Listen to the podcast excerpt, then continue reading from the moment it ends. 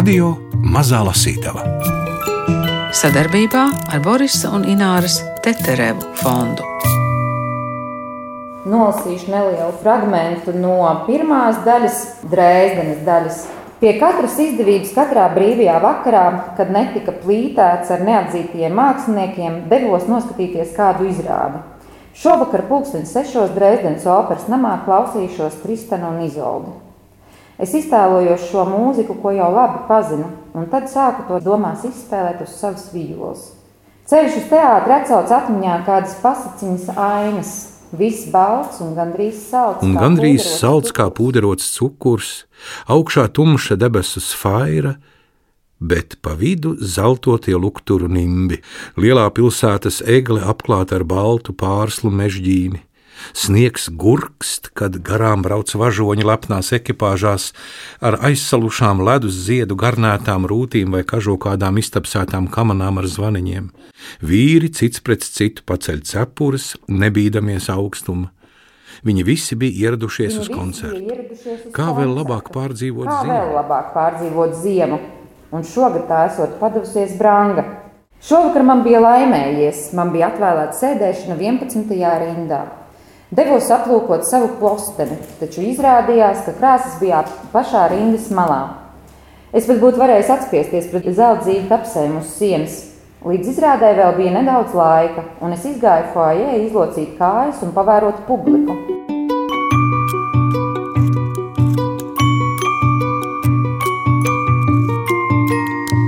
Radio Mazā Lasītava Druviena, Dresdene, Rīga, Cēsis. Rakstnieka Jāņa Poruka geogrāfija Ingas Žoludas romānā Vendenes Lotas puķe.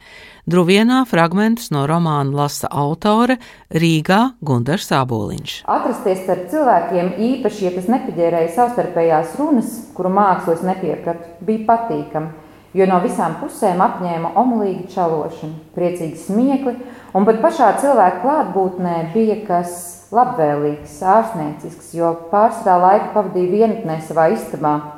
Es biju sabiedrībā, bet man nebija jāmaksā neviena no tām nodevām, ko iekļūšana aprindās tādam, vēl līdz galam neiesvaidītam šīs puses maniedēs pieprasīja. Vismaz ne šovakar. Pie sienām bija ierāmēts spieģeļi, un tajos atmirdzinādamās nepiespiestās mizanscēnas ieguva maģisku aiztētiku. Varbūt gaismas dēļ, kas spieģļos atvizēja zeltītu un dimantīgu, un pat pataisīja jaunpuņu sejas līdzīgas eņģeļiem.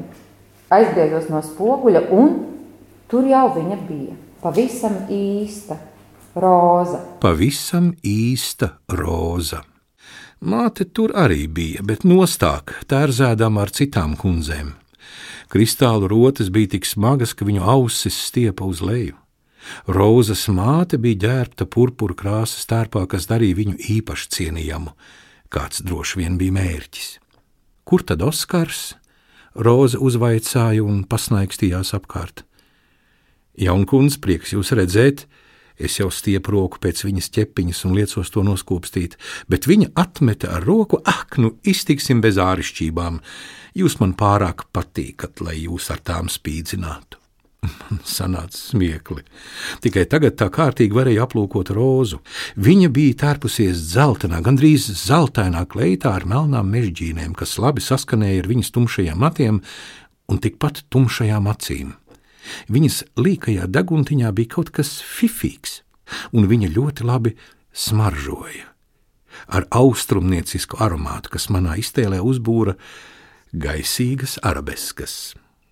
Patiesība ir tāda, es teicu, ka esmu viens. Ja jūs jautājat par Oskaru, tad man nav nekādu ziņu par viņa darīšanām šajā vakarā, bet es varu nozvērēties, nodot viņam jūsu sveicinājumu. Ak, viņš iztiks bez tā rozi iesmējās. Mēs viens otru pārāk labi pazīstam, lai sūtītu etiķetes laipnības, bet jūs, viņa piešķiep galvu un dziļāk ieskatījās manā sejā, bet jūs man esat vēl nezināms.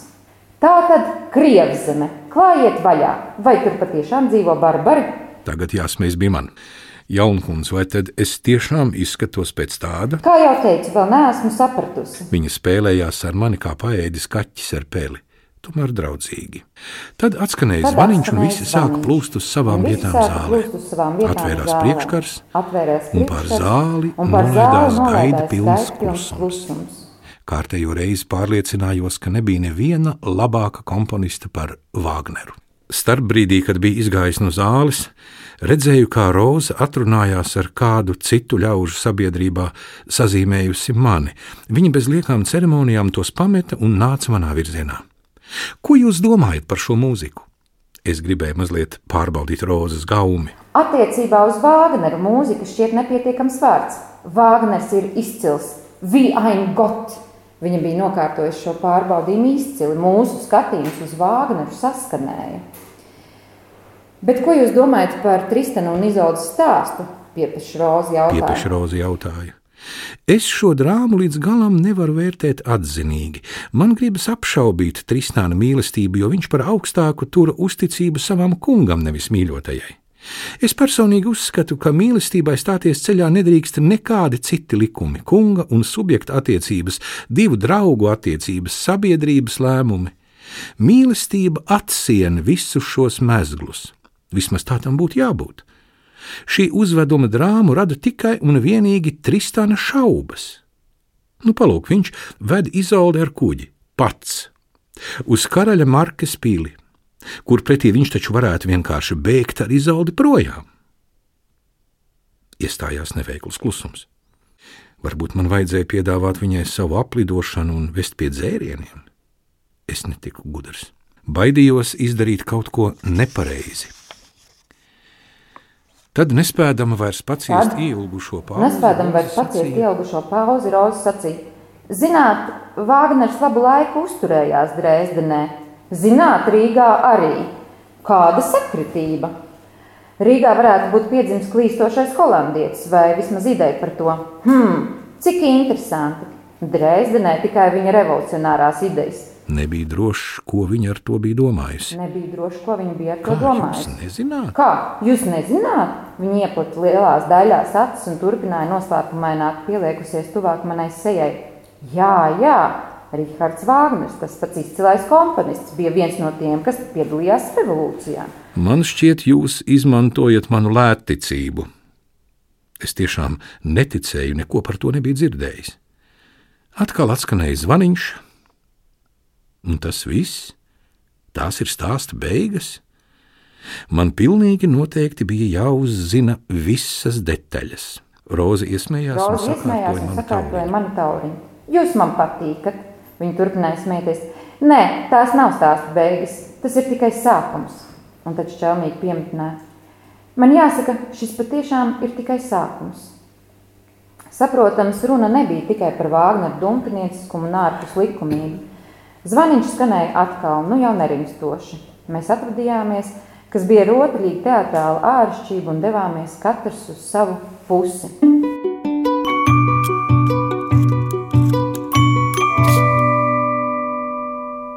Inga Žolude, Vendenes Lotos puķe, lasa autore un Gundars Āboliņš. Zālīšu izsmalcinātajā mākslinieciski apstālētajā dzīvoklī Paulučī ielā astoņi bieži noritēja saloni, uz kuriem viņi vienmēr ielūdza vietējos un citvalstu rakstniekus, māksliniekus un mūziķus, kas tobrīd Rīgā uzturējās kā atašeji vai sūtņi, un arī es tur tiku aicināts savus darbus priekšā stādīt.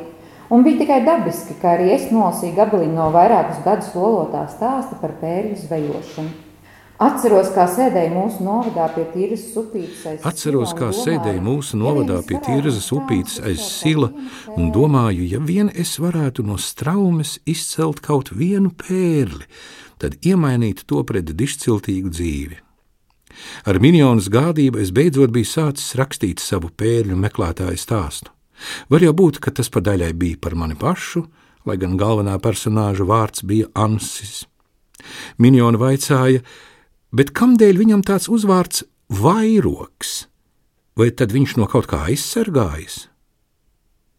Jā, patiesi, vairoks aizsargā, bet ko? Es nebiju tā par to domājis. Gribēju, lai kaut kas Ansi tomēr sargā. Viņš taču ir tāds jutīgs, katrs apvainojums dziļi skartā sirdi, Zentas nodevība, Artūra nodevība, mātes un tēva nāve, Tie ir kā šķēpa dūrieni Anša sirdī. Ja nebūtu vairoga, viņš nosiņotu. Minjona bija klausījusies ar asarām acīs, kuras nosusināja ar zeltneša galiņu. Minjona bija klausījusies ar asarām acīs, kuras nosusināja ar zeltneša galiņu. Ansis bija rakstveža dēls, bet rakstvedis un rakstnieks nebija viens un tas pats. Rakstvedis tikai uzlika uz papīra dažādus dokumentus un korespondenci, amats bez jebkādas radošas pieskaņas. Ansis savukārt bija sapņotājs. Laukos, kur viņš dzīvoja, būt par sapņotāju nebija lāgā. Tā bija vieta, kur sapņi nevarēja piepildīties.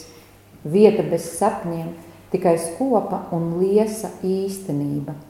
Tamdēļ Ansis nomocījās ar melanholiju. Bet kas tas par stāstu? Miņona pukojās kurā jaunam vīrietim nav mīlestības. Viņam vajag kādu sirdspuķīti. Jā, tādu kā tu, mana brīnišķīgā Pēters, piebalsoja. Viņam pasmējās. Jā, tādu kā tu, mana brīnišķīgā Pēters piebalsoja. Viņi abi pasmējās. Sēdēja man pretī uz zīda sofas, abi blakus, skaisti kā bilde, apskāva viens otru un smējās. Jā, Ansim arī vajadzēja kādu līdzās. Ansis bija uzaudzis līdzās kaimiņu meitai Zentai. Viņi jau no bērnības mīlēja viens otru. Viņa mīlestība bija šķīsta un patiesa. Tādas ir mīlestības uz mūžu. Pašas mīlestības dēļ, nevis lai aprecinātos vai kādu citu aprēķinu dēļ. Vai Zentai bija zeltaini mati? Vai Zentai bija zeltaini mati? gribēja zināt. Viņa Viņa gribēja pati bija zināt. tumšmate. Viņa pati bija tumšmata. Zentai uzvārdā bija licis Zeltiņa. Zenta un Nans dzīvoja vienā mājā, katra ģimene savā ēkas galā. Netālu bija baznīca, kurā Zentes tēvs strādāja par zvaniķi, bet brālis bija skolotājs. Mājas bija pie gaujas, kur, klīda nostāsti, senāk vēl varēja atrast īstas pērles. Sākumā Ansis domāja par pērlinēm gliemežvākos. Vēlāk viņš saprata, ka pērle nav taustāma pērle, ka tas ir simbols, simbols sirdī, simbols vērtībām, simbols kaut kam ļoti dārgam, simbols patiesībai, simbols ikviena cilvēka augstākajam mērķim un tā sasniegšanai. Bet sākumā viņš tomēr bija tik naivs, ka gāja uz upi, lai meklētu pērlnīcas. Minjona secināja. Kurš gan nav bijis kādreiz naivs, Pēters aizstāvējās. Minjona iepleta atšteles koķeti tēlotā izbrīnā. Vai tu esi meklējis apslēptās bagātības? Pērlis ne, bet Brazīlijā mēs mēģinājām ko gandrīz līdzvērtīgu. Tagad nāk mazliet smiekli atceroties, no tā nekas labs neiznāca. Eh, Pēters atmeta roku savam jaunības naivumam. O, mana palmu zeme, Brazīlija! Minione žestikulēdama uzbūra sapņainu bildi mūsu acu priekšā. Vai mēs kādreiz tur atgriezīsimies mūsu palmu zemē? O, mana palmu zeme, Brazīlija! Miņona žestikulēdama uzbūra sapņainu bildi mūsu acu priekšā. Vai mēs kādreiz tur atgriezīsimies mūsu palmu zemē? Viņa savilka lūpiņas ciešas kā pumpuri. Jā, nu tev noteikti, noteikti jāizceļo kādu dienu uz Brazīliju. Es palocīju galvu, es apsolu. Lai nu kā, Ansis tomēr mēģināja laimi pie pēļu meklēšanas. Tad viņš varētu doties mācīties uz gimnāziju, citādi viņa vecāki to nevarēja izkārtot. Taču Ansi pie pēļu zvejošanas pārsteidza Meškungs Tālheims. Ansim bija svilnošs kauns par naivo ieceru atrast pērles, jo Tālheims paziņoja, ka pēļi tur neatrast. Taču Tālheimam savu bērnu nebija, un viņš bija nolēmis atbalstīt Anšas sapni par gimnāziju. Tālhaima personāžu rakstot, es paskaidroju, es domāju par Vestermani, kurš palīdzēja man pašam aizbraukt uz Dresdeni, jo kā gan citādi. Esmu dzirdējis, Pēters teica, ka viņš palīdzot talantīgiem jaunekļiem. Paldies Dievam, ka ir kāds tāds labdaris. Jūs arī esat mani labdari. Es steidzīgi pārtraucu runas par Vestermanu, jo prātā uzbangoja indīgo rūkto atmiņu vāli, tie pieņēmās spēkā un varēja nogāzt mani no kājām. Visas šīs runas par labdariem, labdariem, kas ar vienu roku patiesi dara labu, bet ar otru, ar otru tie grūž bezdibenī, pagrimuma bezdibenī. Sāpīgi iegailējās mūsu pēdējā saruna, kad es biju atgriezies ar savu grāmatu. vai gada laikā izdomāt, uzrakstīt un iespiest literāriski filozofisku traktātu bija mazs veikums? Tas bija grandios veikums. Tas bija grandios veikums, ar kur tomēr bija nepietiekami, ja es neatdevu arī sevi.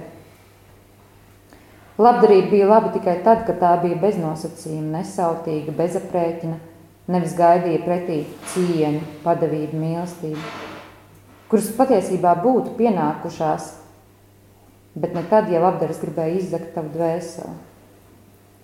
Es steidzīgi satvēru miņonas plaukstiņus un noskūpstīju. Ja šis stāsts kādreiz taps, tad tikai tāpēc, ka miņona ir īsta labdara. Es nezinu, ko es bez miņona mani kušināju. Ak, nu Jāni, nu Jāni, šis būs tavs stāsts, tas būs par fēju.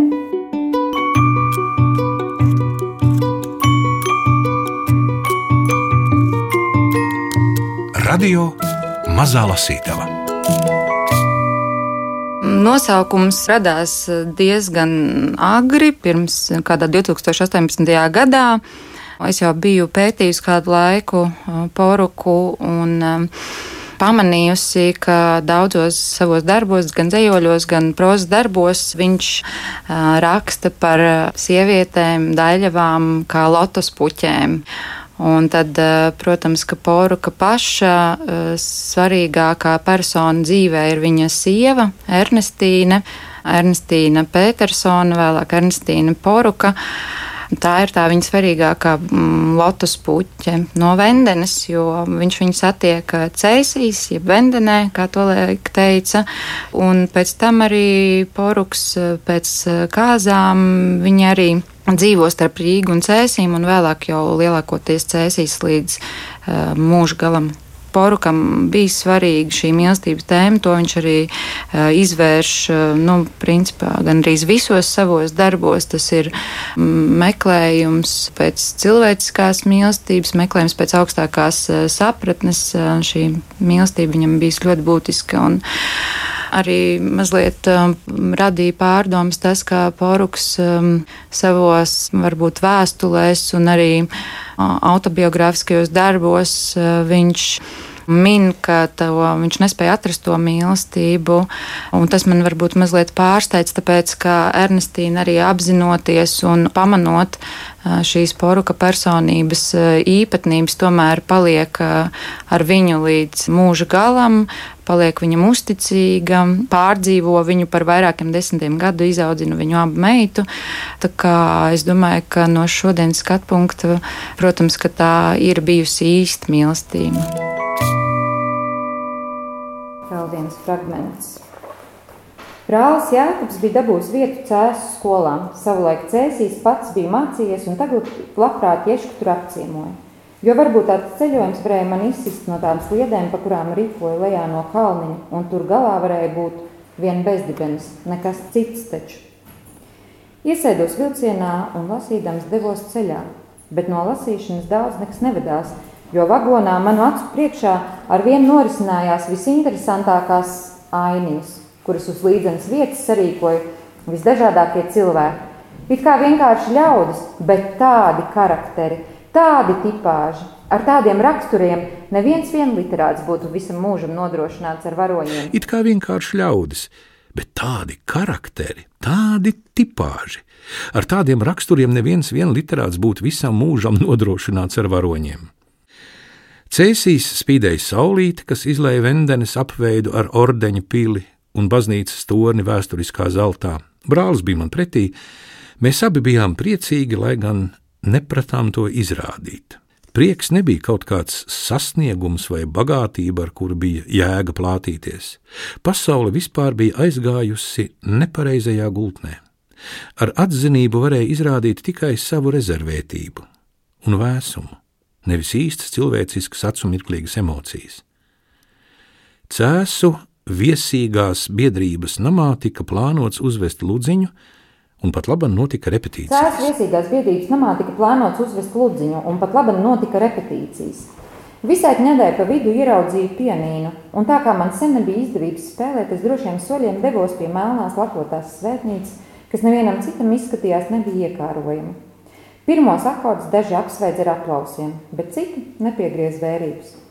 Tam pa starpē viena jauna zāles tālākajā galā manas mūzikas savādzināta sastinga, lai ieklausītos. Viņa stāvēja kā pārakmeņojusies, kāda Venēras statuja varbūt, un viņas acis pārvērtās kā ar lielu dzelmas dziļumu, kurās piepiši ieraudzījusi finīgu pietātu. Vai viņa bijāja mūziku vai mani? Vai viņa zināja, kas esmu? Vai viņa bijāja mūziku vai mani? Vai viņa zināja, kas esmu? Viņa bija jauna, bet ne pavisam jauniņa, skaista, apaļu seju, divām brangām medainām bizēm un šmaugi savilktu vidukli. Iepriekš pie ludziņu ainu mēģināšanas viņa man bija izlikusies gandrīz vai nebēdīgi priecīga. Es vēl biju nodomājis, ka cilvēki tomēr ir tik dažādi. Viens par daudz velk pie zemes, citi atkal spriņķo par daudz, bet kas būtu, ja tādus divus savienotu?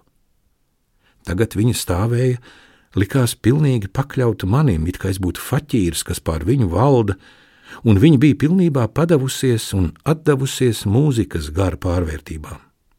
Kamēr es spēlēju, apkārt turpināja notikt liela izrīcība, nemitīgi virinājās durvis, te lai kāds ienāktu, te lai izietu, bet man izdevās noturēt taktsmēru, varbūt pat pateicoties tieši šai jaunavai un viņas skatienu spēkam. Varbūt pat pateicoties tieši šai jaunavai un viņas skatienu spēkam.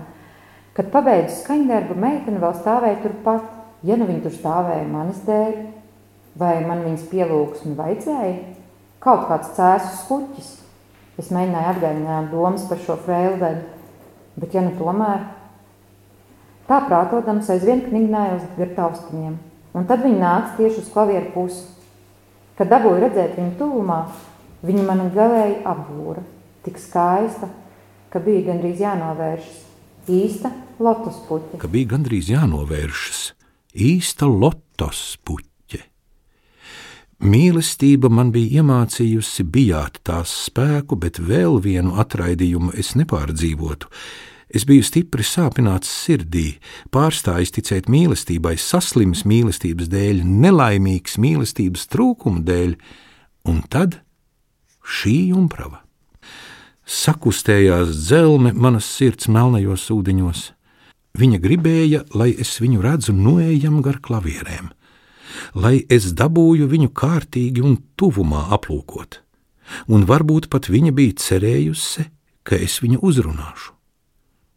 Vēlāk iztaujāja brāli, kas ir šī lotos puķe.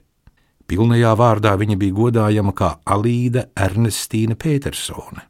Nesot sadarināta, lai gan vairāk kārt lūgta. Cik tieši reižu nav zināms, bet Jēkabs pieņēma, ka vairāk nekā tās, kas oficiāli zināmas. Un kamdēļ nevienam nepiekrīt, man uznāca aizdoms. Nu, tu jau redzi, ka viņa nav nekāda plikadīga, esot diezgan turīga.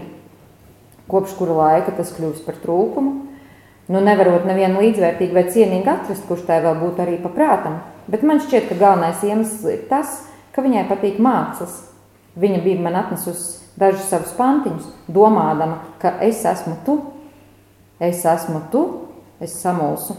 Nu, netaču, Jēkabs smējās. Viņa domāja, ka es esmu tas zināmais dzinieks.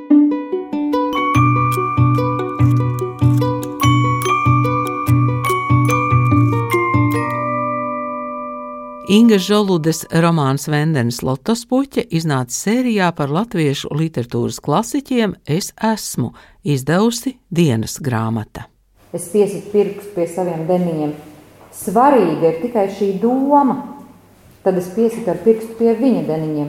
Svarīga ir tikai tava doma, tava, un iebakstīju viņa krūtīs. Tava doma.